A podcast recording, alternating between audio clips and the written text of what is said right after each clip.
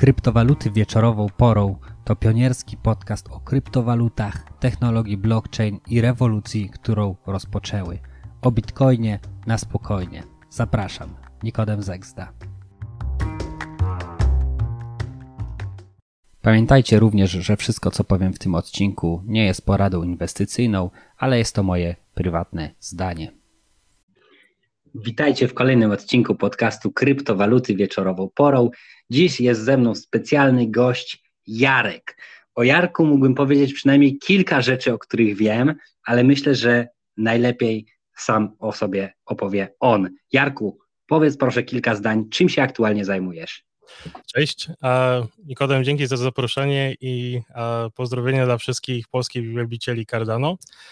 Ja osobiście się teraz zajmuję pracą w Międzynarodowym Banku, prowadzę trzy zespoły w tak zwanym front office, to jest gdzie po prostu wszystkie zyski są generowane w banku. Mhm. W skrócie piszemy algorytmy, które automatycznie dokonują transakcji na giełdach. A i żeby tam dorzucić trochę jeszcze mojego backgroundu, obecnie jeszcze zajmuję się dwoma projektami na blockchainie. Maladex, który będzie rozproszoną giełdą i Excogito, który będzie protokołem algorytmicznego inwestowania, tak samo zdecentralizowanym. A mhm. osobiście mam magisterkę z informatyki z Uniwersytetu Edynburga, więc bezpośrednio miałem okazję przenosić przed chwilę Wudera. Kto siedzi w mhm. Cardano, to na pewno kojarzy e, postać. Swoją drogą e, o Cardano właśnie się dowiedziałem od Phila, będąc na Haskell Love konferencji i wtedy właśnie on mówił o Lambda Calculus, czyli takim specjalnym języku, e, który wtedy pisali właśnie takie działa Cardano, jeśli chodzi o mądre kontrakty i że przy okazji piszą na tym dowody w gdzie po prostu, że tak powiem, to aż mi rozsadziło czaszkę i nie mogłem się pytać, aż e, będę mógł w to wejść. E, po drodze, jeszcze zanim trafiłem do tego banku, pracowałem w Citadel Securities. E, wielu z Was może ko kojarzyć e, chociażby z tego wszystkiego, co się dzieje z, e, z tym, z Game Stonks, e, czyli tam Jamie, AC i tak dalej. A i tam pracowałem nad stworzeniem nowego deska do semi-systematycznego handlu. I żeby dużo, dużo czasu nie zabierać, to w takiej firmie ogólnie masz dwa, trzy modele, znaczy kiedyś były tylko dwa, teraz są trzy. Z tym, co mhm. zrobiliśmy. E, pierwszy to jest systematyczny, ma się bardzo szybki komputer e, kolokowany na giełdzie, który dokonuje milionów transakcji na sekundę, a drugi sposób to jest niesystematyczne, się tworzy skomplikowane modele rynkowe i się wchodzi w bardzo długie pozycje. No i trzeci to my taki po prostu chcieliśmy wprowadzać dane poza sygnałami z ceny, żeby po prostu e, nie operować na, tam się przeważnie operujemy 10-20 mikrosekundach, ale żeby operować na trochę dłuższych czasach, ale mieć bardzo dobre przewidywania. Przed tym jeszcze pracowałem w Microsoft Research, e, badania robiłem nad rozproszonymi danymi, specyficznie tam E, znajdowałem sposoby, jak rozproszyć e, algorytm uczenia maszynowego. E, mhm. Jeśli kiedyś Office wysyłał was feedback, to tam na pewno mój algorytm to przetwarzał w jakieś różne statystyki. A, no i to tyle w skrócie ogólnie. Jeszcze tylko dorzucę. Pierwszą grę napisałem jak miałem 6 lat i po prostu cyberpunkiem od urodzenia praktycznie więcej czasu spędziłem przed komputerem niż poza.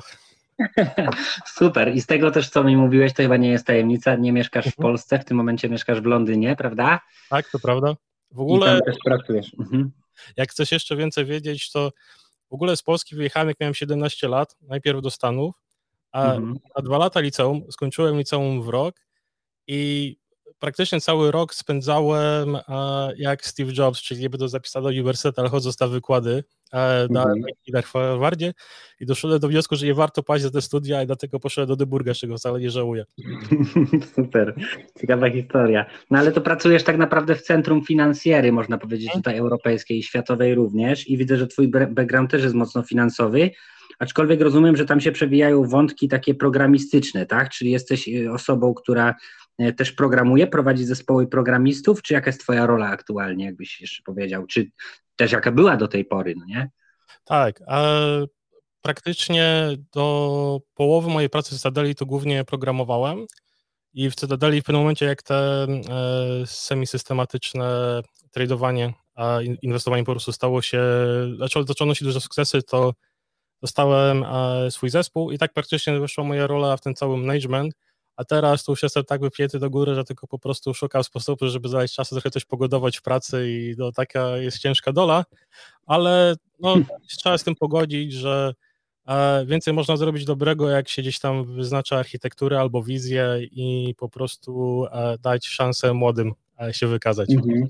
Aha, no to fajnie, fajnie. Powiem Ci, że trochę mamy wspólnego, bo ja też dobrych kilka lat w finansach pracowałem, aczkolwiek ja pracowałem raczej w dystrybucji, czyli w siłach sprzedaży, mhm. jako, jako menedżer sprzedaży, dyrektor sprzedaży, więc trochę ten rynek jest mi bliski sercu, sercu. No i jak widać trochę, trochę wylądowaliśmy w cudzysłowie w tym nowoczesnym rynku finansowym, no bo tak można powiedzieć o całym rynku zdecentralizowanych finansów, czyli DeFi.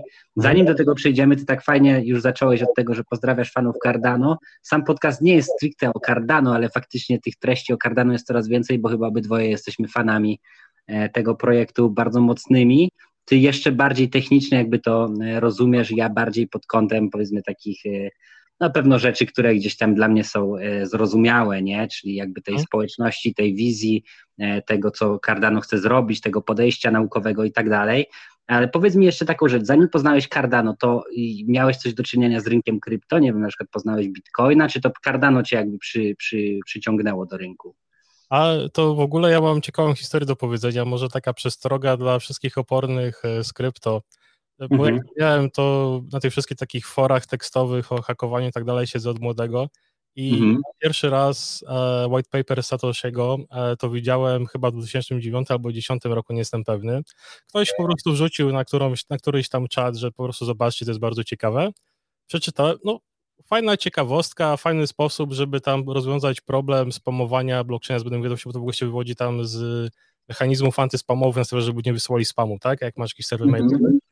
A, no i tak no fajna ciekawostka i zapomniałem o tym kompletnie, nie?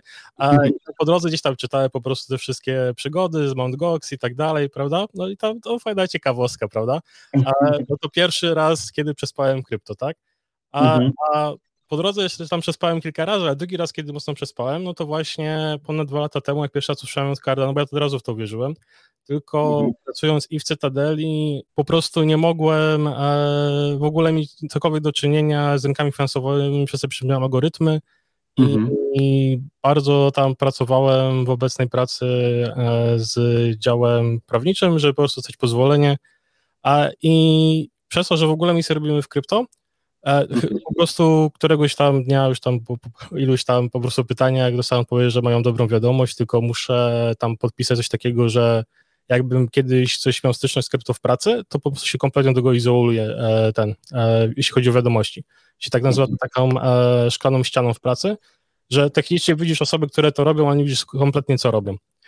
A, I wtedy na początku tego roku dopiero wszedłem jako inwestor i a muszę powiedzieć, że mimo, że tak poszedłem, szedłem późno, to się bardzo cieszę, bo uważam, że to jest późno, żeby pomnożyć to może jako razy tysiąc, ale razy dziesięć to na pewno jeszcze spokojnie zdążymy i to nie żadna rada finansowa, jest moja personalna opinia.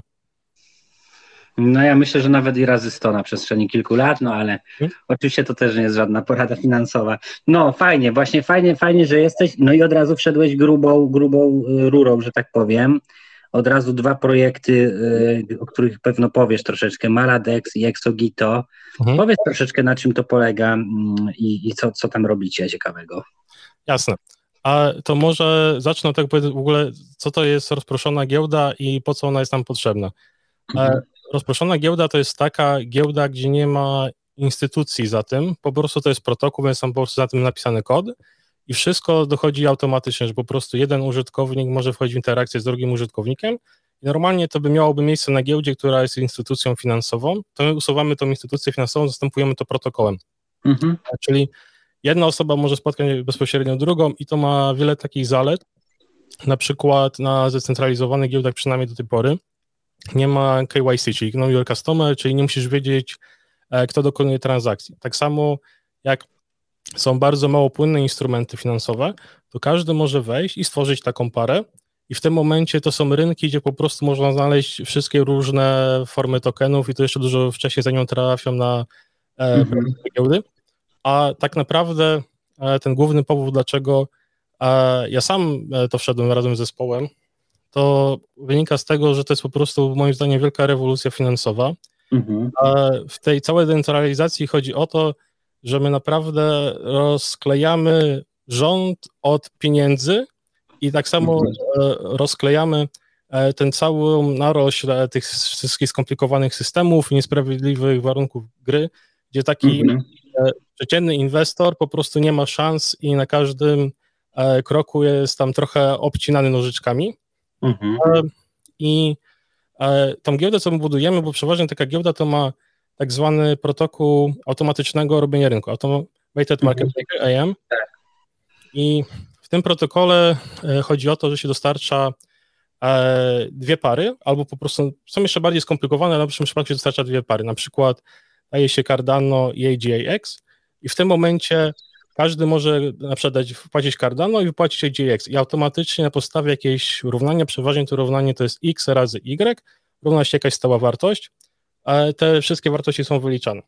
No i przez to, że jest takie też proste równanie, to e, ta cena nie odzwierciedla prawdziwego sentymentu rynkowego, ile coś jest warte. Bo tak naprawdę jak się pójdzie na giełdę taką centralizowaną, to cena jest ustalana bezpośrednio przez ludzi. E, ma się e, po prostu order book, książkę zamówień i ludzie dają limit order, czyli zamówienie, które będzie wykonane tylko po określonej cenie, po określonej mhm. ilości tokenów i e, jak się patrzy na książkę, to tam ma się zamówienia z różnych cen, ale tam idą do środka, e, kupna i sprzedaży. I tam mhm. środek, gdzie się spotykają, to jest obecna cena produktu. I problem jest taki, że e, w zdecentralizowanym produkcie, na przykład jak nagle dużo osób chce powiedzmy kupić ten AGX, tak, to mhm. jego cena nieproporcjonalnie wymknie się spod kontroli, tak, nagle będą ludzie strasznie przepłacać i wtedy co się dzieje, wchodzi taki arbitraż bot, to są takie boty, które patrzą, że to jest świetna okazja, żeby teraz za AGX-a e, kupić Cardano po dużej przecenie. Więc oni idą na przykład na inną giełdę, kupują AGX-a, e, gdzie po prostu jest on po efektywnej cenie i wchodzą mm. na zdecentralizowaną giełdę i sprzedają. I mimo, że ta zdecentralizowana giełda ma tyle zalet, to po prostu ma utrudnioną odkrywanie poprawnej ceny.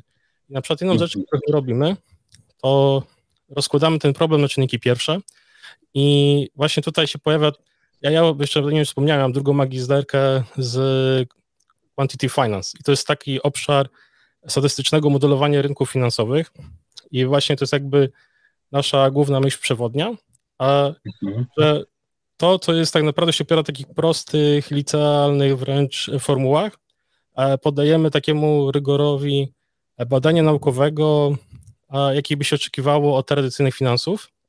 Mhm. I jak się o tym pomyśli, to e, wszystkie różne pary będą się inaczej zachowywać.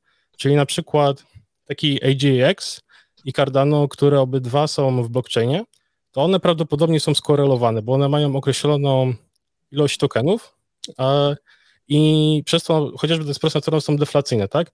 A z kolei większość tych fiat money, czy na przykład dolar, złotówka i tak dalej, są ciągle drukowane. I mhm. z tego wynika, że złotówka traci na wartości, a Cardano na przykład rośnie GX, tak po prostu mhm. domyślnie. I na takiej rozproszonej giełdzie nie powinno być takich par, że na przykład Cardano i USD, bo każdy, kto dostarcza do liquidity, do tej płynności, do takiego protokołu, to automatycznie jest wystawiony na straty. Mhm. I e, właśnie jedną rzeczy, którą my robimy, to jest ugryzienie tego w taki sposób, żeby ten protokół był tak napisany, żeby minimalizować te straty i mhm. maksymalizować właśnie to sposób odkrywania poprawnej ceny, ten sposób rozproszony. A... No to ciekawe, to ciekawe bardzo. Czyli to jest tak pewnego rodzaju innowacja, prawda? Tak, jest w ogóle podejście do tego w zupełnie inny sposób, bo jak o tym pomyślisz, to e, tam całe DeFi się zaczęło w 2017 e, jako taki e, protokół pożyczkowy, e, później wyszedł ten Uniswap, a mhm ale od tamtego czasu, ja nie wiem, praktycznie nie było żadnej takiej ciekawej innowacji, przynajmniej taka, która mnie osobiście by zmiotła z nóg, bo tam były jakieś różne bankory i tak dalej, tylko to są protokoły z mhm. błędami e, takimi statystycznymi, czyli to znaczy, że one statystycznie są mniej efektywne niż te, co były przed nimi. To, to, to jest mhm. strategiczne, ale dobre są do marketingu. Mhm. I takie właśnie jest podejście, że my chcemy jakby systematyzować ten cały rynek, a jednocześnie na podstawie tych badań, co robimy, to automatycznie zaimplementować e, w tą giełdę, co budujemy. I mhm. swapy to jest tylko jeden obszar, tylko jeszcze w skrócie powiem tam inny, tam później możesz powiedzieć, który chcesz rozwinąć. A mhm. drugi jest e, yield farming, chyba najlepszy sposób nazwania tego po polsku jest e, dostarczanie płynności z dodatkowymi mhm, benefitami, tak. które się dostaje te tokeny platformy. I tak, mówi się farmienie. A to też jest w ramach Maladex? Tak, tak, to jest okay. też w ramach Maladex. Mhm. A, I w tym momencie, przez to się rozdaje tokeny platformy, to trzeba myśleć, jak się je rozdaje, no bo im więcej się tokenów platformy drukuje i się więcej rozdaje, tym one bardziej tracą na wartości, prawda? Więc mhm. trzeba pomyśleć, jakie mądrze e, rozdawać, jakie mądrze po prostu palić, żeby ich było coraz mniej. E, I to jest inna rzecz, jest właśnie tak samo modelujemy, żeby się upewnić, że wybudowany tego protokołu farmienia jest to, że token powinien statystycznie 2 sigma, czyli 95% przypadków e, iść do góry. E, I tak samo trzeba strategicznie e, przyznawać te nagrody, bo tak naprawdę jak coś jest strasznie płynne, powiedzmy, że ten AJX jest mega popularny na Cardano, prawda? To tak. technicznie my nie powinniśmy koniecznie tego nagradzać, albo nagradzać w jakiś duży sposób e, tego farmienia, no bo to jest coś, co jest płynne z natury rynkowej, prawda? Ale mhm. mogą być różne pary, które nie są płynne, a chcemy, żeby były przeniesione do giełdy, więc w tym momencie powinniśmy nagradzać, żeby przyciągnąć ludzi, że oni ponoszą większe ryzyko, bo dostarczają bardziej ryzykowną parę, Mhm. Ale w tym momencie, żeby nagrodzić te ryzyko, co ponoszą właśnie tymi ekstra dystrybucją tokenów. I to mhm. dostarcza wartość dla użytkowników platformy, bo mają dostęp do większej ilości tokenów, a tak samo e, dostarcza wartość dla osób, które dostarczają tych tokenów, no bo są kompensowani za ponoszenie ryzyka. Mhm. Rozumiem, czyli to są jakby takie premie, bonusy po prostu do, dodatkowe za to, że daną parę po prostu, daną płynność zapewniamy, tak? Dobrze to rozumiem? Tak. Okej, okay, no to wiesz co, powiem Ci, nie wiem czym to się różni, bo ja kilkukrotnie już uczestniczyłem w tego typu e, rozwiązaniach takich właśnie, że dostarczałem płynności, z reguły to tam było 2x, 3x, 5x, czasem 10x, no bo jest coś takiego jak impairment loss, no nie? Jakby nie, nie jak to jest po polsku, tym, taka nie, nietrwała strata i ona występuje w parach. Ja rozumiem, że wy ten problem, z tego co zrozumiałem, chcecie jakoś rozwiązać, tak? Że szukacie jakby pomysłu na to, e, co zrobić. Chodzi mi o to, że jeżeli są dwa aktywa, które są zestawione właśnie do puli płynności, one e, w stosunku do siebie jakby te, mm, nazwijmy to, e, wartość zmieniają, prawda, to następuje tak zwana strata po prostu, która jest, wynika właśnie z tej różnicy kursowej. Czy wy do tego problemu też będziecie jakoś podchodzić, czy to jest jakby nie, nie, nie, nie, nienaprawialne, że się tak wyrażę? Jak to jest? Absolutnie jest naprawialne i to jest bardzo ważny problem do naprawienia. E, straty wynikają głównie e, z tego, że się bierze tą prostą formułę x razy y, to się równa stała wartość, mhm. bo na początku się dostarcza x i y, czyli ten po prostu ilość jednej waluty i drugiej, to znaczy x, y, e, w pewnej proporcji. Jak ta proporcja się rozjeżdża, bo to właśnie ten impediment loss to znaczy, że strata właśnie z tego rozejścia się ich, im bardziej mhm. się ta różnica rozjeżdża, ta, ta proporcja, tym większy jest impairment loss. I po prostu jak się narysuje tą krzywą, bo ta krzywa wygląda praktycznie jak 1 przez x, nie? A mhm. to w tym momencie e, ona przy małych procentach, 5-10%, jest marginalna. To praktycznie inwestorowi nie przeszkadza, tak. bo to są marginalne straty, ale jak dochodzi do takich skrajnych e, wydarzeń, na przykład może być nie wiem, się okaże, że AGX był rug pulem, nie? Że zapyta się mm -hmm. ale tak hipotetycznie, prawda? Mm -hmm. to w tym momencie wszyscy chcą sprzedać AGX za Cardano, bo w tym momencie wiedzą, że AGX nie ma wartości, tak? I mm -hmm. w tym mhm. momencie e, wszyscy biegną przed takich protokołów, bo one od razu nie odzwierciedlą ceny, e, żeby sprzedać AGX za Cardano. I w tym momencie te osoby, co nie wyciągną płynności w czasie, to one zostaną z bezwartościowym tokenem. A. I właśnie jak tam się przekracza takie te 10-20%, to te straty zaczynają być takie mega dynamiczne, że one po prostu strasznie szybko wzrastają, bo ta proporcja mhm. się powiększa. I tutaj właśnie polega na tym cała sztuczka, żeby tak to zamodulować, żeby po pierwsze tak dobrać te pary, albo też poza parami się też tworzy tak zwane e, pule, czyli takie zbiory mhm. E, tokenów, żeby one były tak ze sobą mocno skorelowane, żeby jakikolwiek rozjazd był strasznie e, mało statystycznie, mało prawdopodobny. Mhm. Samo można wbudować E, są przykład popularne w tradycyjnych finansach, e, się wbuduje bezpieczniki, tam fuses, e, w takie algorytmy i w tym momencie na przykład jak z pula zostanie wypłacone w przeciągu na przykład godziny więcej niż 20%, to na przykład jakiś tam strasznie inną stronę szybko idzie, to można zamrozić takiego pula, żeby pozwolić ludziom wypłacić ich liquidity po prostu bez ogromnej straty, prawda? Bo możemy to rozwiązać ten pool, ludziom zwrócić tokeny. Mhm. I moim zdaniem, wiesz, to jest takie bardzo odpowiedzialne, bo jak się w klasycznych finansach tyle się skupia na kontrolowaniu ryzyka, że jak tworzysz rynek, to na przykład jak są jakieś takie nieprzewidziane sytuacje, przecież mieliśmy, mamy praktycznie jakiś duży crash giełdowy co 8 lat, prawda? A mhm. w krypto te crashe to są, nie wiem, co, codziennie, tak? A, więc a, uważam, że jest takie bardzo odpowiedzialne. Tym bardziej wie, że każdy to wie, że tam jest, nie? Że mhm. jeśli na przykład e, nagle e, cena się niesamowicie dynamicznie przesuwa, na przykład, żeby upłynnić taki pól w danym momencie tak jak stoi, prawda? Mhm. A, I nikt tego nie robi i ja powiem Ci, dlaczego tego nie robi, bo nie ma incentywizacji dla projektantów tych protokołów, żeby to robić, bo mhm. każdy patrzy na to bardzo, wiesz, tak e, pragmatycznie, a okej, okay, ja zarabiam te tokeny, ja sobie sprzedaję, i, i ludziom umyka na przykład to, że e, w 95% przypadków te tokeny platformy, to one idą do zera. I tak samo ten pool, co oni tam tworzą, to też idzie do zera, bo właśnie ten impediment loss e, ich zjada. Mhm. Rozumiem, rozumiem. Okej, okay, czyli to jest Maladex. E, tak podsumowując trochę tę część, e, chociaż może jeszcze coś chcesz dodać, co ci pozwolę jeszcze za tak. chwilę, ale już powoli przechodząc do Exogito. Po pierwsze to co pierwsze, co sobie tutaj zapisałem, bo sobie robię takie notatki podczas naszej rozmowy, że ty jesteś taka piąta kolumna w bankowości. Mhm.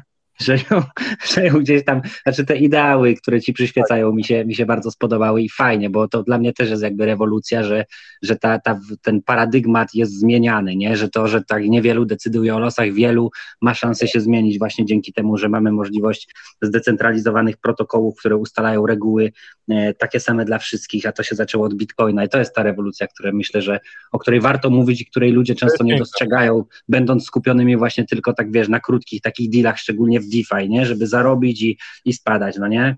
E, to myślę, że warto mieć tego świadomość.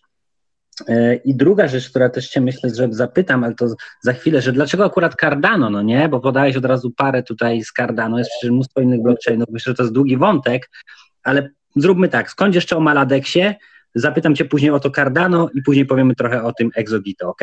Brzmi jak plan.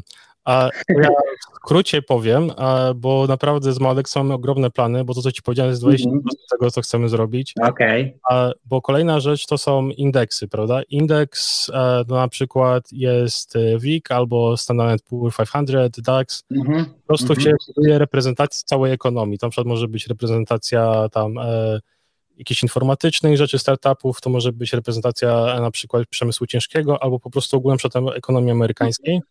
I zaleta indeksu jest taka, że przez to, że tam tyle rzeczy jest złożonych, to takie losowe wypadki się nazywa czarne łabędzie, coś takiego bardzo nieprzewidywalnego.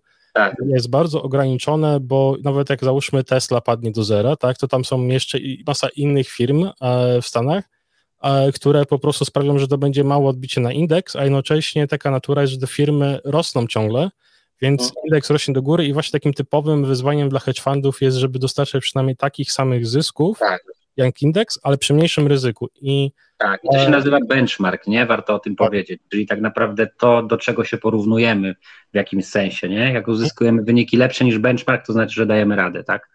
Dokładnie. A jeszcze, żeby tego dodać, jest w ogóle e, parametryzacja taka używając liniowej regresji i są jest parametr alfa i beta.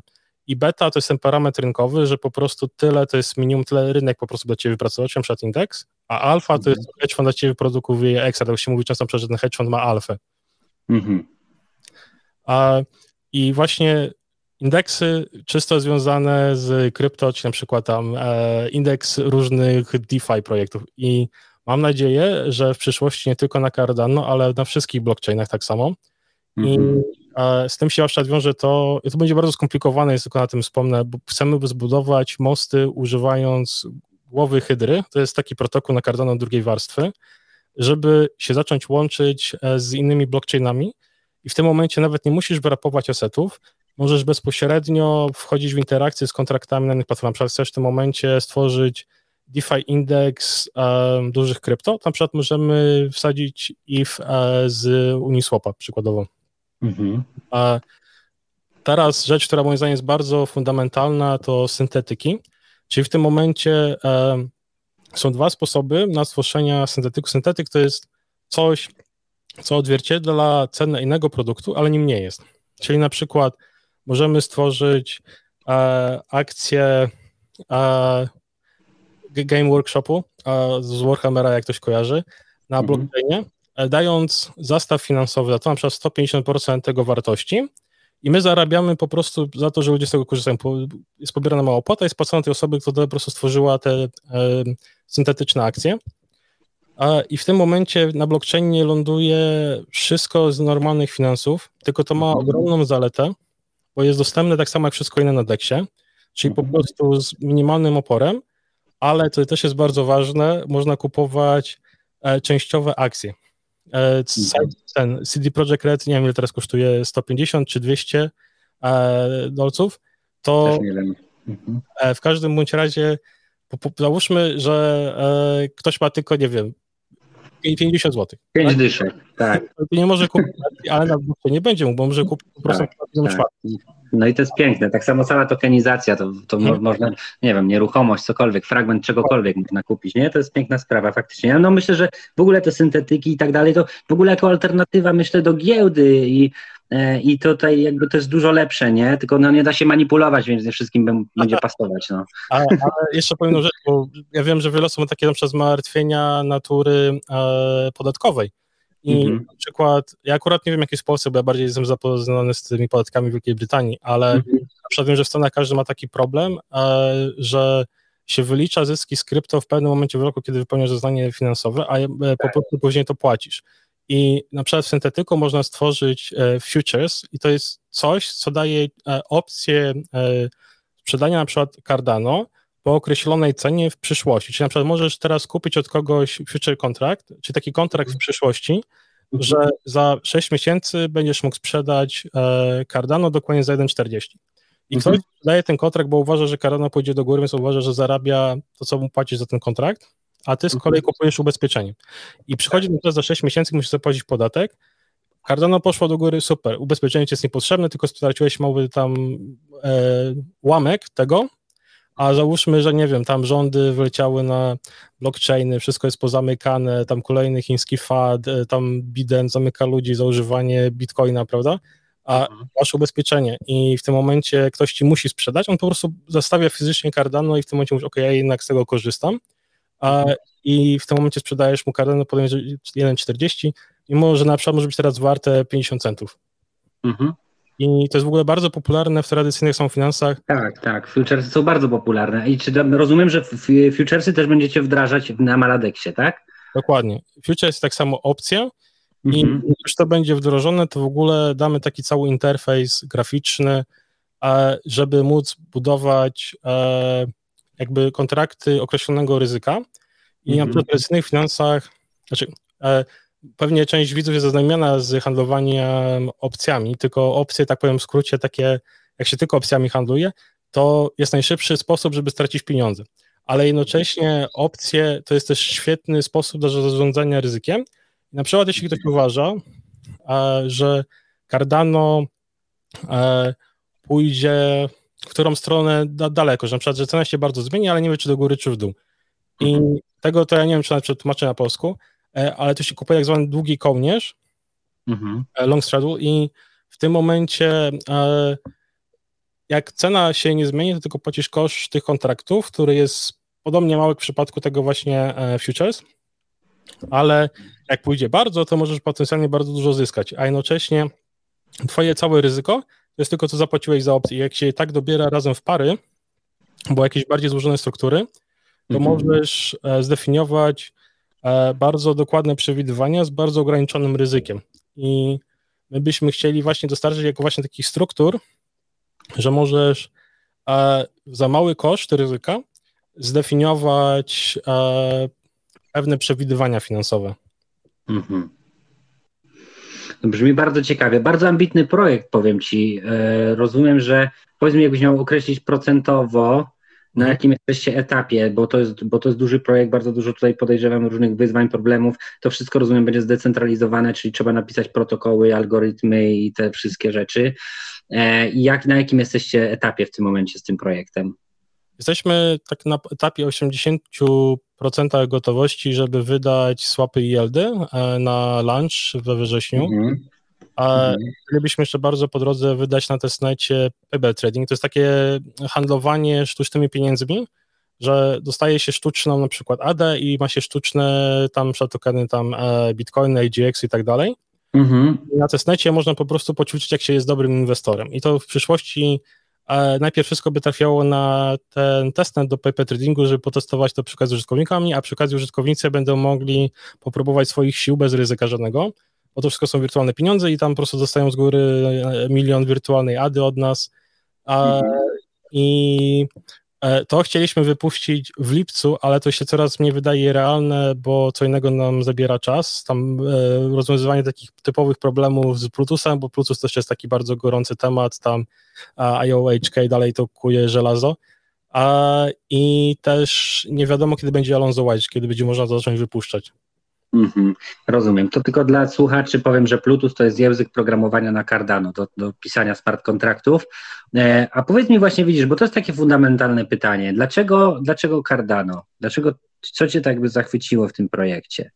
A to akurat z bardzo egoistycznych powodów, bo a ja uwielbiam programować w Hascalu i ogólnie okay. ja bym powiedział ostatnie 6-8 lat E, szukam pracy, która by mnie ciekawiła, tak naprawdę mnie inspirowała, żebym wstał z łóżka zadowolony, żeby ją robić, ale żebym mógł ją mm -hmm. robić Haskell.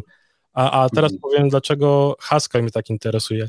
E, Haskell mnie interesuje, bo to jest język programowania, który oparty jest na badaniach i jak ktoś programował i wchodzi w Haskell, to po prostu to od razu widzi, tam jest tak ogrom wiedzy, to jest tak e, jak C++, a można opisać w jednej książce, zresztą tak jest opisane przez twórcę, a to Haskella po prostu w jednej się bibliotece nie zmieści, bo tam tyle e, konceptów z całej informatyki jest pomieszczonych i mhm. to jest jak pudełko czekoladek, a po prostu każdego dnia korzystasz z czegoś nowego, ciekawego i tam jest tyle informacji schowanych, związanych z matematyką, z teorią kategorii i tak dalej, że jak jeszcze czekoladki, to po prostu ciągle jesteś głodny i zadowolony, po prostu codziennie jakieś nowe smaki odkrywasz.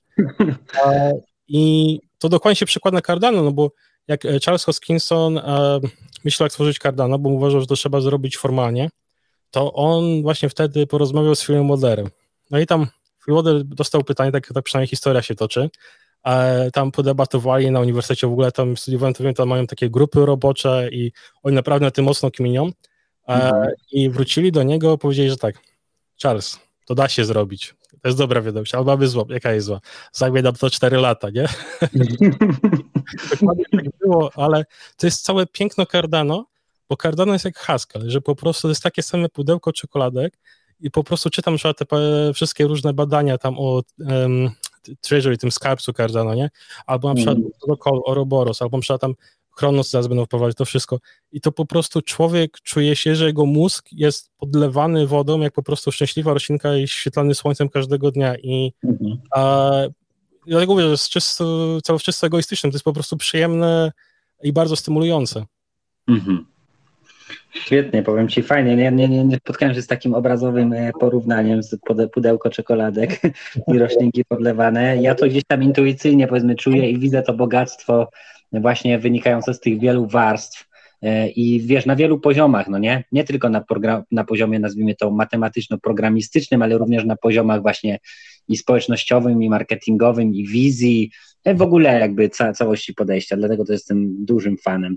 I powiem Ci, że naprawdę e, trochę, trochę tak, trochę gram, gram też na gitarze, Mhm. Czasem, wiesz, są tacy gitarzyści, to tak zasuwają po gryfie, tak dźwięków mnóstwo i tak, wiesz, strasznie szybko to się, to się nazywa tam shredding, nie? Mhm. E, takie wymiatanie. I oni tak wymiatają, a są tacy, co grają dwa dźwięki, no nie? W tym czasie, albo jeden dźwięk. No i to się tak żartuje, że e, oni już znaleźli, no nie? Oni już znaleźli te właściwe dźwięki. Taka mi się tutaj analogia kojarzy z moim inwestowaniem, bo też w moich projektów takich różnych, nie? Się przewinęło chyba, no musiałbym patrzeć, ale pewno z 50 może do 100, a tak naprawdę koncentracja w tym momencie się sprowadza głównie do Cardano i do Bitcoina, nie? W moim, w moim przypadku, więc też taką mm, ścieżkę mm, przeszedłem. A powiedz mi, poza Cardano też y, coś się interesujesz, coś, coś sobie gdzieś inwestujesz, jeśli chodzi o krypto, czy jesteś tutaj, y, że tak powiem, monoteistyczny? Mega dużo. Ja, ja się nie ożeniłem z Cardano, ale zaraz powiem, że prawie już zaczęła wyglądać, jakby się ożenił, ale... ale jak ja, tak, ale jak ja, ja rzeczywiście mogłem inwestować, bo ja byłem przed wiem, jak to pisać e, różne boty arbitrażowe i tak dalej, to ja mhm. praktycznie wszedłem w 500 różnych e, krypto i tokenów. No to e, tak, i, i, naprawdę nie żartuję i tam wiesz, się wszystko generuje różne tam tabelki, tego ryzyka, to wszystko, jakieś tam alokacje. A, I powiem, że nawet dobrze na niektórych wyszedłem i mimo, że na przykład uważam, że przykładowo Dogecoin to jest kompletnie śmieciowa moneta, to mhm. jak był jeszcze poniżej centa, to miałem takie, są takie indykatory e, momentów i to jest na przykład tak samo jak się ten high frequency trading, czy ten handlowanie tych mega wysokich częstotliwości, czyli tam po prostu mhm. mikrosekund, czy to jest jedna milionowa sekundy. A to po prostu miałem tak dobre indykatory, że po prostu portfolio powiedział, że jest system, tak? System ci mówi, mhm. na przykład 20% Dogecoinów, nie? Kupiłem tak. i powiem ci, że je sprzedałem za 8 centów, co prawda, później się okazało, że go sprzedaj za więcej, ale nie, nie, nie wierzyłem za więcej. No i dobra inwestycja, prawda? I tak właśnie jest takie... Nie, no fajnie, wiesz, to ja na przykład Dogecoina, ja lubię Dogecoina, bo Dogecoin jest żartem, on powstał jako żart i jakby oczywiście ostatnio został tam przez Ilona gdzieś tam napompowany no. i tam trochę hejtu gdzieś tam jakiegoś się pojawiło, ale zasadniczo ciekawy projekt, natomiast ty widzę jakby jesteś bardziej takim e, traderem, bo ja bardziej fundamentalnie sobie szukam ciekawych projektów i gdzieś tam sobie inwestuję i właśnie e, powiedzmy, że takie podejście doprowadziło mnie do tego, że finalnie bardzo zawęziłem swój portfel i właściwie można powiedzieć, że się sprowadza do, do dwóch w tym momencie i to jakby świadoma decyzja, nie? Cardano, e, ty, no właśnie, bo ty, bo ty korzystasz z tych programów, jestem bardzo ciekaw tego, mam nadzieję, że gdzieś mhm. sobie jeszcze porozmawiamy na te tematy. Myślę, że masz tutaj bardzo ogromną wiedzę, jak tylko będziesz chciał, to chętnie cię zaproszę e, jeszcze nie raz do, do odcinka. E, ale dobra, wróćmy słuchaj tutaj na ziemię, czyli jakby wiele, wiele miałeś tych projektów, ale mówisz, że coraz bardziej gdzieś tam w kierunku jednak Cardano cię ciągnie, tak? Znaczy od początku mnie ciągnęło w kierunku Cardano jako budowanie protokołu, mhm. ale gdzieś po drodze mnie jeszcze po prostu pociągało na boki, żeby pisać te boty arbitrażowe i tam mhm. E, te portfolio tworzyć. To, to jest raz, ale teraz jak był ten wielki spadek, to się skoncentrowałem, to te wszystkich tych matek zaczęło spadać, to po prostu wszedłem w Cardano, bo wierzyłem, że to jest bezpieczne i przy mhm. okazji mocno wszedłem w Ergo i powiem Ci, że teraz moje portfolio to wygląda tak pi razy, czyli było procentowo tak z góry nie pamiętam, ale około 70% Cardano, 20% Ergo i 10% AGX, tam się pojawiają jakieś takie pojedyncze, jakieś małe alokacje. Mhm. No to ciekawe. Bitka nie masz? A właśnie Bitcoina mam każdego dnia, bo mam kilka koparek, a, okay. ale każdego dnia je sprzedaję za Cardano. No, to ciekawe. I jeszcze... A to kopiesz Bitcoina? To nie lepiej kopać coś innego i kupować za to coś innego? E, niekoniecznie, wiesz, zaraz ci powiem, jakie wszystko ma wady i zalety, bo tak samo przed mm -hmm. e, ITER, Ethereum kopię, mm -hmm. i problem z kopaniem Ethereum jest takie, że te koparki do Ethereum przeważnie trzymasz w domu, bo ci nie chce ich hostować, prawda? mm -hmm. I no, ja tak średnio za prąd w miesiącu płacę 1500 funtów, to jest ciekawe, ale Ethereum też sprzedaje bezpośrednio tak powoli zacząłem przestawiać te koparki na Ergo, bo akurat Ergo teraz jest tak samo dochodowe kopanie jak Ethereum, a okay.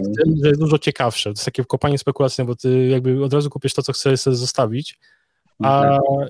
I zaleta koparek bitcoinowych jest taka, bo ja je kupuję na, znaczy, przepraszam, kupuję i wysyłam do kompasu i kompas ma takie na 6 centów za kilowatogodzinę i one sobie po prostu tam leżą i każdego dnia dostaję po prostu wypłatę na Binance Poola e, tych bitcoinów.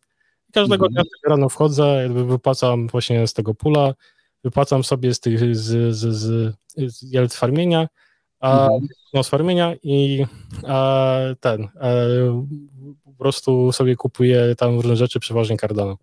Fajnie, a powiedz mi, ale co, skąd czerpiesz prąd? Normalnie z sieci, czy masz jakieś odnawialne? Może z wulkanu sobie tam korzystasz? e, tak, tak, z tych e, salwadorskich wulkanów. Nie, ten e, kompas to akurat jest bardzo odpowiedzialny. Oni e, tam, bo jakby oni znajdują e, te takie różne miejsca, gdzie właśnie kolokują te koparki i mhm. chyba 80% wszystkich, gdzie kolokują, to jest energia wszystko odnawialna.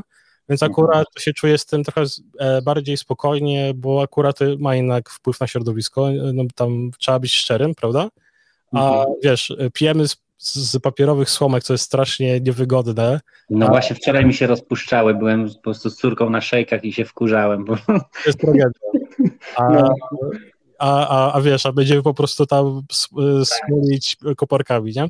A, i, ale w domu, no to wiadomo, to siedzicie, no to, to już tam raczej chyba nie za bardzo odnawialne jest. No tak, czyli, aha, czyli tu i tu. A ten kompas to zrozumie jakaś firma po prostu, w której kupujesz sobie jakieś tak. tam udziały, tak? I po prostu. Nie, nie, nie. No normalnie jak wejdziesz, przepraszam, że reklamy, ja po prostu ich lubię, nie? nie mam absolutnie nic z nimi wspólnego. Spoko, ja nawet nie wiem, co to jest, dlatego, dlatego cię dopytuję, wiesz? Myślę, że tak. dużo ludzi nie ma pojęcia. Ale wiesz co, szybko sprawdzę, to jest chyba kompas.com, a kompasmining.io. Mm -hmm. Można bezpośrednio kupić koparkę z od razu celem docelowym, gdzie będzie wysłana. Okay. Albo można e, kupić samemu i im wysłać.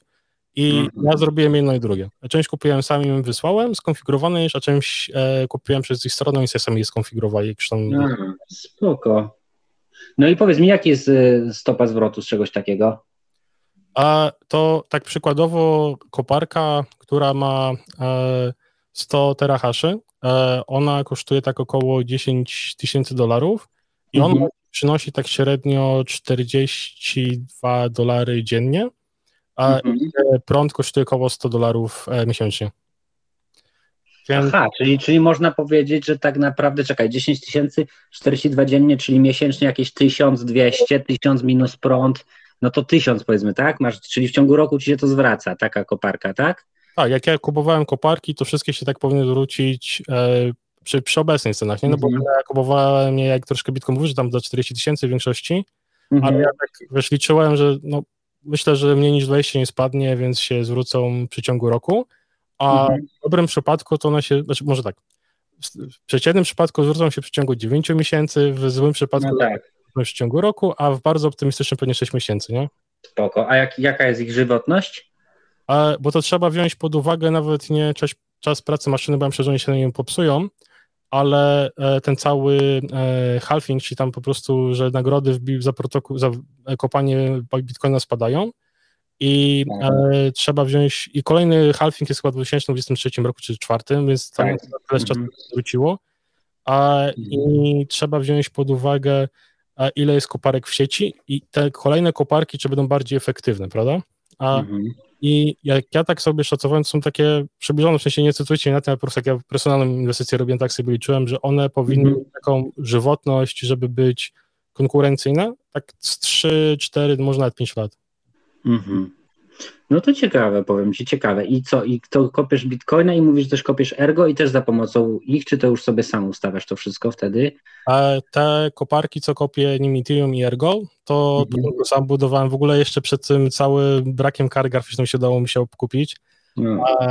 I w ogóle całkiem przypadkowo miałem e, 5 AMD Radeonów 7. To były takie karty, co porównywanie do e, ich mocy kopalnej były bardzo tanie, bo na przykład kupowało się e, te AMD Radeony 7 mhm. za 500 e, funtów, no to tak 3,5 tysiąca złotych, a one mają 100 e, mega haszy. Więc porównywalna karta graficzna przeważnie kosztuje przynajmniej 8 tysięcy złotych, prawda? Czyli to jest praktycznie mhm. pół razy taniej. A i mam takie trzy koparki po 13 kart, które sam składałem. W ogóle się człowiek ciekawych rzeczy uczy, bo są na przykład specjalne płyty e, ten, główne do kopania, na przykład Asus B250, gdzie te wszystkie linie PCIe są osobno, więc ma 13 gniazd PCIe jednoszynowych i jedno tam jest czteroszynowe, że tam można wpiąć kartę graficzną po prostu tak podłączyć e, monitor do niej. Mhm. No, zasilacza na koparkę to się też kupuje te serwerowe, żeby były tanie i tak dalej. E, ale wszystko sam składałem, sam ramy robiłem, nitowałem po prostu, nie? To takie jest taki mhm. E, no hakowanie to jest taka ładna rama, ale ładnie ponitowana z, z profili. Mhm. Ty, ale wiesz co, nad jednym się zastanawiam, bo generalnie, no nie no, okej, okay, opłaca się to, ale czy zastanawiam się, po co kopać, jak można po prostu kupować, skoro i tak, skoro i tak, słuchaj, kupujesz za to Cardano, nie, które jest proof of stake, mhm. więc, e, więc, no ale nie, no z tego, co mówisz, to ma to sens, jest to jakaś dźwignia, no nie, jeżeli te liczby się, jeżeli te liczby się zgodzą. No.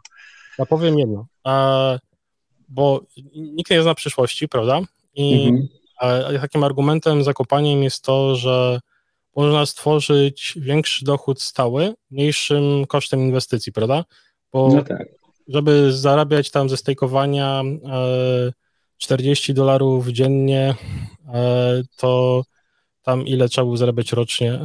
No trzeba było mieć tego troszeczkę, nie? Tak, to być kalkulator, bo to teraz 365 podzielić na 0,05, no to trochę tego byłem, tak strzelam z głowy, czyli z niczego, tak ze 100 tysięcy trzeba by włożyć, prawda? A mm -hmm. w koparkę. Tylko to nie znaczy, że teraz wszyscy powinni lecieć kupić koparki, nie, nie, bo często tak. właśnie jest tak, że w przeciągu tego roku to Cardano tyle wzrośnie cena, że bardziej by się opłacało kupić Cardano jednak. Mhm. Znaczy z moich tutaj takich oszacowań to widzisz 300-400 tysięcy dolarów trzeba było wsadzić w Cardano, żeby 40 dolarów dziennie mieć ze stakingu. No, e, więc, więc, więc generalnie no faktycznie jest to, jest to no, dużo, dużo większy kapitał, nie? Fajny e, mhm. daje więcej pewności, na przykład jakby się chciał tej spacji się tylko zająć Cardano. Więc mogę powiedzieć, że Bitcoin Ethereum funduje deweloperów Cardano. nie wiem, czy celowo, ale Bitcoin maksymaliści nie, nie chcą tego słyszeć. Przy okazji jeszcze Ethereum to darmowy marketing robi. Dokładnie, nie? Wystarczy, jak to powiedział Vitalik, że największym wrogiem Ethereum jest Ethereum, nie? tak. największym wrogiem Ethereum jest Ethereum 2.0. No, to widziałeś tą grafikę tego właśnie tak. budynku Ethereum 2, to też pod, podlinkujemy tutaj do opisu, żebyście mogli zobaczyć, mówię do słuchaczy w tym momencie, żebyście zobaczyli, jak to mniej więcej wygląda. Ale faktycznie, no wiesz co, jest to, jest to, jest to ciekawy wątek, i tutaj w tym kontekście właśnie jeszcze tego Cardano, no bardzo to jest poukładane i kurde, czy co, według ciebie fundamentalnie nie ma startu nic, nie? A do, do Cardano? Szczerze -hmm. nie, bo to, to jest jak z Teslą, prawda? Tam nie mówią, że o, inne tam samochody mogą elektrycznie zagrozić Tesla, tylko Tesla jest jakby 5 lat, jeśli chodzi o technologię przed wszystkimi innymi firmami. To strasznie ciężko w ogóle wejść w ten rynek. Mhm. Było wiele firm, które chciały wiesz, założyć, tam po prostu miały miliardy inwestycji i poległy. Tak mhm. samo jest Cardano. Cardano ma 4-5 lat mega porządnego researchu za sobą i to nie jest nie tylko research, ale wiesz, jest społeczność, ci deweloperzy, tak, tak. wszystkie mózgi za tym siedzą. I ja myślę, że jak ktoś ma head start, tam po prostu zaczął wyścig 5 lat wcześniej niż inni, no to ciężko będzie go dogonić, prawda? Ale tym mhm. bardziej, że co mi się bardzo podoba w Cardano, na przykład Charles miał te wideo 1 do N, czyli po prostu jaka jest mm. Cardano na przyszłe lata i oni już w ogóle mówią, co będzie po proof of stake, a inni to po prostu myślą, że jak, jak zrobić proof of stake, tak? To, to jest tak, taka siła przemiałowa. Więc to powoli zaczyna, dopiero będą te E, smart kontrakty, ale to po prostu tak wystrzeli, że mhm. e, no Assassin Bot to jest kiepskie porównanie, nie? To bardziej... A powiedz mi, jak, jak właśnie uważasz, że jak to wystrzeli, bo to jest też no ciekawe, ja, ja jestem bardzo ciekaw, co się stanie. Ja sobie patrzyłem właśnie jak wyglądał rozkwit ekosystemu i wzrost ceny mhm. w związku z tym Ethereum, nie? Wiadomo, że inna tam, inna, inna ilość monet i tak dalej, mniejsza o to, nie? Ale, ale generalnie no tam był potworny wystrzał, to się wydaje, że takie 100x to jest w ogóle, wiesz, easy, no nie? Mhm. E, a jak ty to szacujesz? Powiem tak, bo znaczy e, rozbiję to na dwie części, bo pierwsze to jest kiedy, a drugie to jest ile moim zdaniem, prawda? Mhm. I Powiem z tym, kiedy to jest taka typowa e, marka, czy znaczy ten e, inwestycyjna rada, że często się na coś bardzo długo czeka i się Boże, to już tam kompletnie nie pójdzie, prawda? Tak. I w pewnym momencie to jest taki e, sukces jednej nocy, że się ciężko pracuje, a nagle to po prostu każdy zauważa. Tak.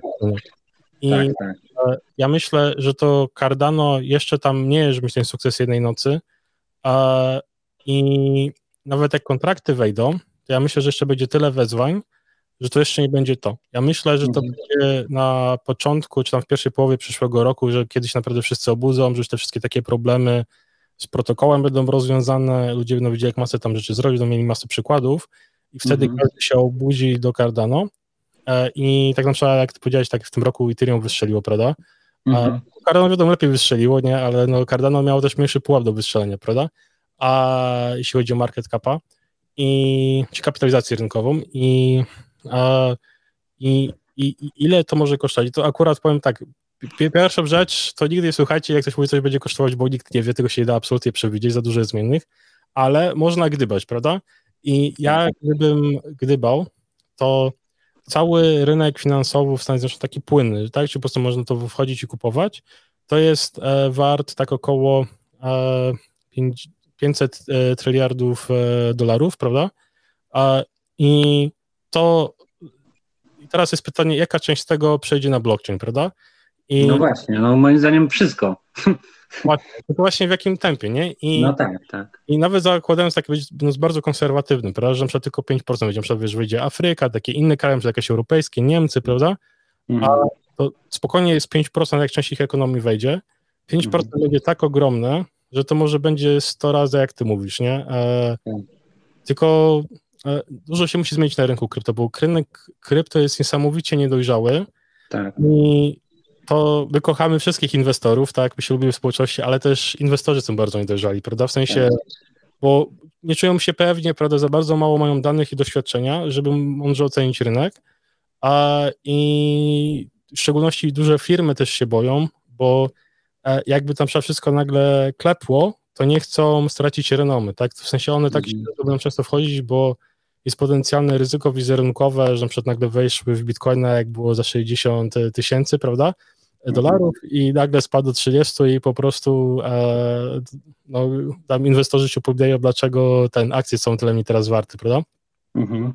A, ale to wszystko jest nieuniknione. To jest takie bardziej pytanie kiedy, prawda? A, tak. Ocenę zawsze trzeba podawać zawsze z datą, bo znaczy to żadnej wartości nie ma taka wycena i ja myślę, że e, jak wejdą kontrakty, to ja uważam, że już dużo jest wcenione teraz w oczekiwania społeczności. Mhm ale myślę, że będzie taki wzrost do tego wcześniejszego popu, co widzieliśmy tam 2-3 dolary może, prawda? W mhm. przyszłym roku, jak to się wszystko zacznie wstawać, może 5, 10 a, i może, nie wiem, za 5-10 lat e, będziemy mówić o wycyfrowach e, wartości w dolarach, tym bardziej biorąc pod uwagę, że dolar straci do wartości.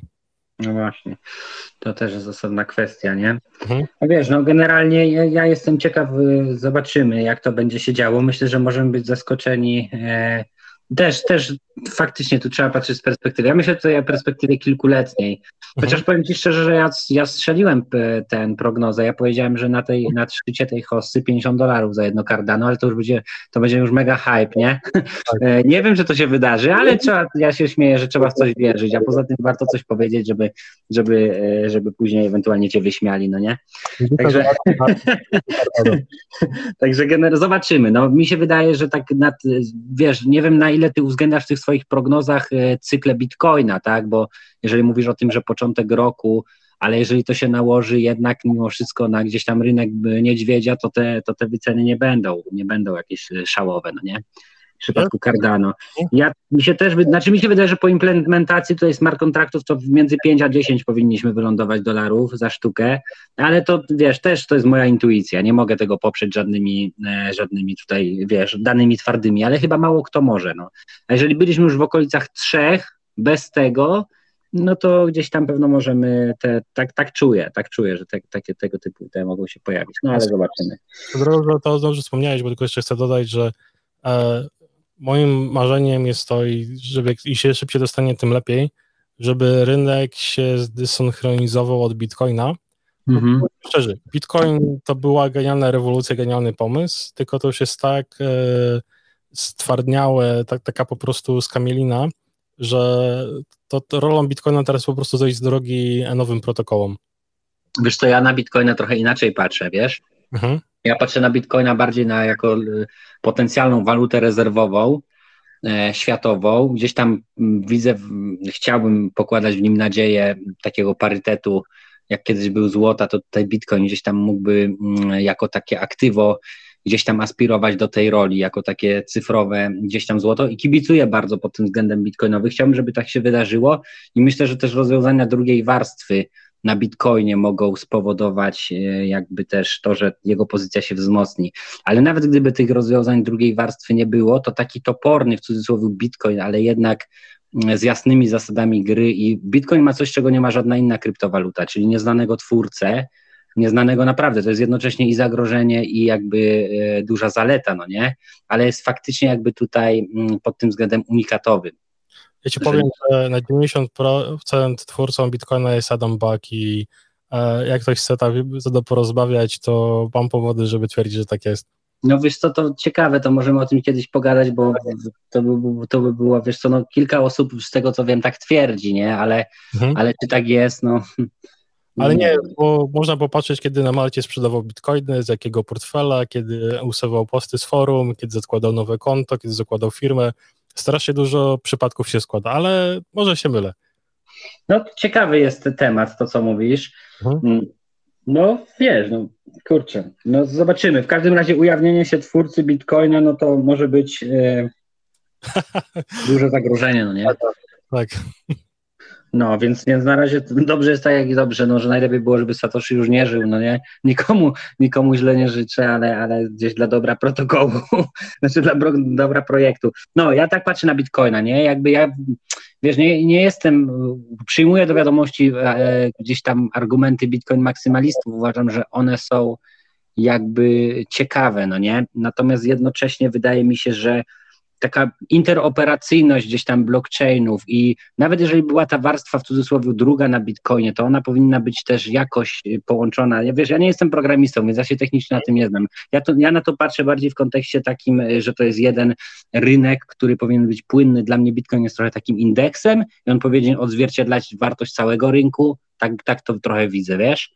Mm, tak no, ale czy tak będzie? No nie wiem. Ja jestem z tych, co uważają, że Bitcoin będzie, będzie jego wartość rosła cały czas, no nie? Możliwe. E, powiem ci, czytać tą książkę Bitcoin Standard i tam właśnie oni argumentują to, że e, dobra waluta e, pozwala przynosić wartość w czasie, jest łatwo nią płacić tak. i można z nią płacić za wszystko, prawda? Tak. I w tym momencie, jak się o tym pomyśli, to wiele innych walut spełnia tą rolę. A praktycznie każda, która jest odporna, inflacji spełnia tą wartość. I ja powiem Ci, że e, ja uważam, że tą rolę jest bardzo łatwo zastąpić i w ogóle tą rolę rezerwową może pełnić wiele walut tak długo, mhm. E, jak one spełniają te warunki. Mhm. No tak, ale tu masz jeszcze kwestię decentralizacji, która jest istotna. Większość projektów altcoinowych jednak zarzuca się im, nie mówię o Cardano, nie, ale wiele z tych projektów zarzuca im się jednak jakąś formę centralizacji, chociażby wspominając o tym Ethereum, no nie, gdzie tam faktycznie jak się wejdzie w szczegóły, to się okazuje, że kurczę, niewielu jednak podejmuje decyzję finalnie i pewne rzeczy nawet można przeforsować. I tutaj Bitcoin jakby cały czas ma tę pozycję, powiedzmy, z najbardziej, mm, znaczy z jednej strony trudno zmienialnego i to ma swoje, szczególnie dla osób technicznych, które, mhm. wiesz, innowacyjnie podchodzą do tematu, swoje wady, ale z drugiej strony przez to, że on jest taki, kurde, nieelastyczny, to, to jest jego też zaleta, nie? Że strasznie ciężko go zmienić, że ten konsensus jest bardzo trudno zbudować w sieci i, e, i po prostu jakby naprawdę przechodzą tylko najbardziej takie bym powiedział, e, rozwiązania, które no, są przekonywujące i to mi się to podoba, nie? Taka toporność trochę. A wiesz co, e, w ogóle tu uważam, że warto poruszyć ten bardzo niewygodny temat decentralizacji, bo mi się wydaje, że e, wiele osób często zakłada, że te protokoły są bardziej rozproszone niż są naprawdę i tylko pozwól, że zacznę od Cardano i przejdę przez cztery protokoły szybko. Bitcoin tak naprawdę, i mogę się mylić marginalnie w ilości, ma chyba 12 puli, z czego 5-6 puli jest Chinach, wiadomo, teraz tam te koparki przenieśli mm -hmm. do Kazachstanu, a mhm. i z czego w ogóle jedna kopalnia jest w Gruzji, która ma 12% całego mocy kopania na świecie. I tak mm jak się na to patrzy z punktu widzenia kontroli, to ma się 12 czułych punktów, które jak się naruszy wystarczająco dużo, to można zachwiać decentralizacją protokołową. Mi się wydaje, że taka potężna decentralizacja protokołu to jest umowna, bo on gdzieś tam się po prostu łączy w takie tak zwane, ja wiem, że po polsku może być takie wąskie gardła, tak, że po prostu a takie jest wąskie koło, mhm. które się w tym polu to łączy i to jest to takie bardzo e, niebezpieczne na centralizacji, bo się popatrzę na przykład na te całego dark weba, tak dalej, to tam jest prawdziwa decentralizacja, jest naprawdę ciężko wyłączyć, bo praktycznie komputer z komputerem się łączy jeszcze po sieci Tor, gdzie to jest miksowane i tego nie widać, prawda? Mhm. Po Bitcoina, e, jakby się rządy zgadały, to po prostu wiedzą, no zamykają Bitcoina. W cudzysłowie, prawda? Bo to nie było tak łatwo. Wiesz, to no tak, tylko że pozostają jeszcze inne, nie? W innych jurysdykcjach. Tu się zgadza, że, że generalnie jak sobie tutaj patrzę, bo otworzyłem sobie właśnie stronę, jak wygląda, jak wygląda, proszę ja ciebie, puli, pule miningowe, no to ja tu widzę, że jeden, dwa, trzy, cztery mają większość, tak? tak. Cztery. Tak. no, F2 pool, jakiś pool in BTC.com and pool to już mhm. jest ponad połowa, jeszcze jest Huobi pool. Natomiast myślę, że to jest tak, że jak gdzieś tam by przeatakowali, no to inne wtedy zyskają e, na, na, na, na mocy, no nie? Bo tak. wiadomo, oczywiście można przeatakować i gdzieś tam zatrzymać to kopanie, no ale jednak kurczę pytanie też, czy to się, czy to się opłaca i tutaj też jakby bronią to z, z punktu widzenia teorii gier, że bardziej się opłaca dołączyć do tego i to wzmacniać, no nie? I uczestniczyć w tym, niż z tym walczyć, nie? Bo to jest taka, moim zdaniem, Zgadzam się, ale warto mówić o problemach, żebyśmy mogli rozwiązać, bo to jest właśnie taki jeden problem Bitcoina i Turing ma mhm. swoje swoją drogą. Mhm. bo um, oni zaczęli teraz strasznie uciekać od tych koparek domowych, bo ciągle narzekali na minerów. Gdzie to była ogromna zaleta, bo to ciężko zamknąć tyle koparek domowych dookoła świata, prawda? To praktycznie tego się nie było dało zamknąć. Ale teraz tak się szacuje, że na Ethereum jest pomiędzy 20 a 40% e, tych ASICs, czyli mhm. tych, co mają w silikonie wbudowany sposób kopania, ten algorytm cały e, haszowania. A, I szczególnie na Ethereum 2.0, to jak oni zaimplementowali, bo się często podaje takie śmieszne liczby, że jest 165 tysięcy walidatorów, no kurczę, to, to, to jest większe bzdury nie widziałem, bo oni tam chyba mają z 10 czy 20 tych różnych um, tych, tych puli, gdzie się po prostu deleguje if, E, ale tak mhm. naprawdę oni liczą liczbę walidatorów jako po prostu kwotę w pulu podzielą przez 32. Na poziomie programu to tam jest jakby osobny walidator, ale to jest takie, mhm. no bo się tak naprawdę powinno po liczbie maszyn, prawda? A, tak. I Cardano ma parametr K. I K to znaczy, jaka jest optymalna ilość e, stake pool operators, czyli tych ludzi, co operują te pole, gdzieś każdy deleguje e, AD. I idealnym parametrem teraz jest K równa się 500. Jest około 5 razy więcej, 2500 tych puli, ale no, to wciąż jest bardzo ograniczona liczba, prawda? A, mhm. I trzeba wziąć pod uwagę, że wiele osób hostuje to w chmurze e, u różnych prowajderów. To jeszcze, mhm. jak się popatrzy, to 60-80% tych wszystkich tych jest gdzieś tam któregoś z czterech największych prowajderów e, chmury obliczeniowej. Mhm. I mam nadzieję, że po prostu im to bardziej dalej szło, przez to, że o tym mówimy, o tym myślimy, to to naprawdę będzie zdecentralizowane, że powiedzmy, no rządy zaczęły biegać po domach z karabinami, to tego nie zamkną, jakby chciały nawet. No właśnie, i to by było dobre, nie? Tak. No właśnie, a może, może nie będzie tak źle, słuchaj, zobaczymy, pożyjemy, zobaczymy. No dobrze, wiesz co, ja myślę tak, że generalnie fajne wątki poruszyliśmy, trochę nam poszła rozmowa w innym kierunku niż początkowo planowana, ale to myślę, że dobrze, ja myślę, że jest też e, jakby pretekst, żeby się ponownie spotkać i pogadać o drugim projekcie, który który rozwijasz. Jakby nie będę go celowo dzisiaj uruchamiał, jeżeli się, jeżeli się zgodzisz. E, I myślę, że możemy spokojnie się umówić w jakimś dogodnym terminie, żeby kolejny odcinek dla naszych e, słuchaczy tutaj nagrać i podać jakieś ciekawe e, informacje. Mm, co ty na to? Ja no tak na lato, ale jak coś, to możemy jeszcze pogadać. Um... Wiesz co, myślę, że będziemy powolutku lądować, bo gdzieś tam już ponad godzinę, chciałbym, żeby te odcinki gdzieś tam w godzinę się zamykały. Więc, e, więc myślę, że będziemy powolutku podsumowywać, a później się po prostu umówimy jeszcze na kolejną rozmowę i nagramy e, kolejny odcinek, ok? No, spoko. No to fajnie. Czyli co, czyli podsumowując, e, w tym momencie Jarek rozwija projekt Maladex, o którym troszeczkę powiedział, Exogito, o którym nie powiedział i nie powie, ale powie w kolejnym odcinku, więc już teraz Was zapraszamy. Porozmawialiśmy trochę o Cardano, porozmawialiśmy trochę o Bitcoinie. Okazało się, że Jarek też kopie, czyli tutaj zarówno temat e, Bitcoina, Ethereum czy Ergo się pojawił. Mm, fajne, że, że tutaj z punktu widzenia właśnie takiego e, ide, ideologicznego trochę wychodzisz, nie? Czyli jakby gdzieś ta misja jest dla ciebie ważna i ta, ta, myślę, że to fajnie, że to dalej przyciąga ludzi, no nie? Do zdecentralizowanych finansów. Powiedziałeś też, dlaczego akurat Cardano to Ci się w nim podoba. Powiedziałeś trochę o swojej ścieżce. Ja Ci w ogóle bardzo dziękuję, że e, dołączyłeś, że zechciałeś e, ze mną porozmawiać. Myślę, że bardzo ciekawy, inspirujący odcinek. No i otwierający, myślę, też kolejne tematy, które moglibyśmy poruszyć. Także myślę, że mówimy do usłyszenia, a nie, a nie, a nie do widzenia, nie?